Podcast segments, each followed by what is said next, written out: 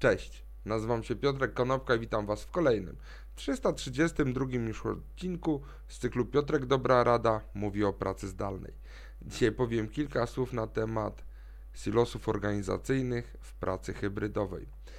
W poszukiwaniu tematów dotyczących nowinek związanych z pracą zdalną bądź z pracą hybrydową trafiłem na Harvard Business Review.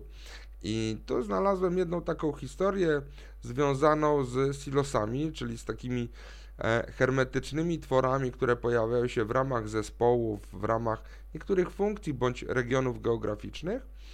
I pojawiła się informacja, że te silosy podnoszą głowę i pojawiają się także w pracy hybrydowej. Jeżeli organizacja poświęciła dosyć dużo wysiłku na to, żeby tych silosów nie mieć w pracy stacjonarnej, to nagle się okazuje, że w pandemii i w pracy zdalnej bądź w pracy hybrydowej te silosy zaczynają powracać. Okazało się, że dając pracownikom o wiele większą elastyczność, e, i ta elastyczność oczywiście miała na celu zarówno przy, przytrzymanie talentów, jak i przyciągnięcie nowych ludzi, którzy mogliby dołączyć do firmy, to się nagle okazuje, że ta elastyczność powoduje również takie tworzenie się na nowo wewnętrznych silosów.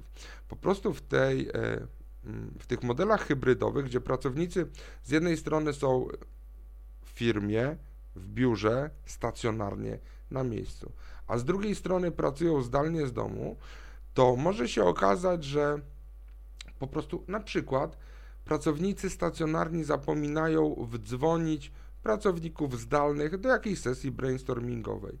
Szefowie, oceniając swoich pracowników, mogą rozróżniać pracowników stacjonarnych od pracowników zdalnych. Rozmowy, nawet przy kawie, mogą prowadzić do podejmowania decyzji poza plecami pracowników, na przykład pracujących właśnie z domów. Jak należy jakie kroki należy podejmować, żeby tych silosów uniknąć. Po pierwsze, należy zdefiniować oczekiwanie co do tego, jak pracownicy mają współpracować. Trzeba być bardzo precyzyjnym.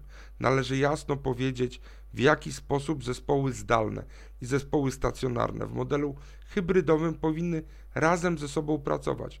Należy się upewnić na przykład i jasno powiedzieć, że zawsze należy sprawdzić, czy pracownicy zdalni zostali włączeni w sesję brainstormingową czy w jakieś inne spotkanie.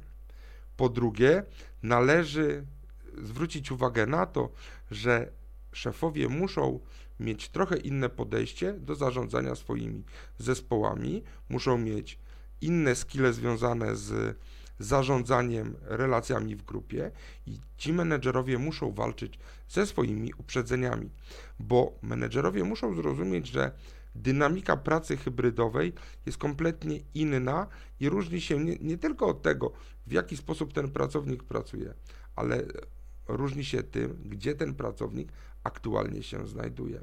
I te zachowania, czasami nawet bardzo podświadome, mogą być związane z jakimiś uprzedzeniami, bo na przykład y, pracownicy łączą się w grupy i te y, uprzedzenia bądź relacje y, negatywne mogą być związane z tym, że pracownicy identyfikują się jako na przykład grupa pracowników stacjonarnych bądź grupa pracowników zdalnych.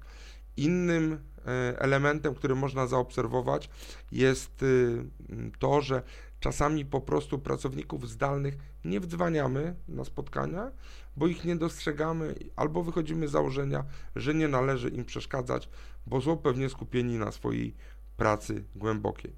I trzecim elementem to jest oczywiście integracja platform, z których korzystamy na co dzień do współpracy, do takiej naszej codziennej pracy.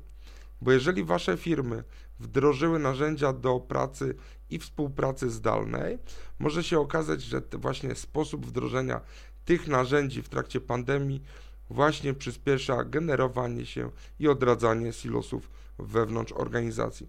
Po prostu nie wszyscy pracownicy są e, biegli w obsłudze tych narzędzi. Nie wszyscy się dobrze czują w obsłudze tych narzędzi, a trzeba właśnie zwrócić na to uwagę, że ta biegłość jest wymaganiem koniecznym.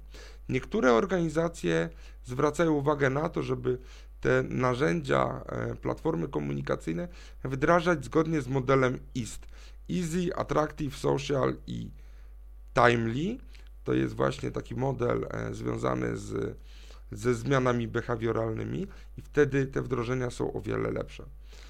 Pamiętajmy o tym, że pojawienie się silosów w ramach naszych organizacji będzie zwiększało koszty, opóźniało procesy, a ludzie będą zachowywali się tak jak królowie czy książęta na swoich udzielnych włościach. Postarajmy się uniknąć tego, dajmy ludziom wiedzę, jak pracować efektywnie i zobaczymy, jak będziemy się z tym czuli. Dzięki serdeczne, do zobaczenia i usłyszenia jutro. Na razie.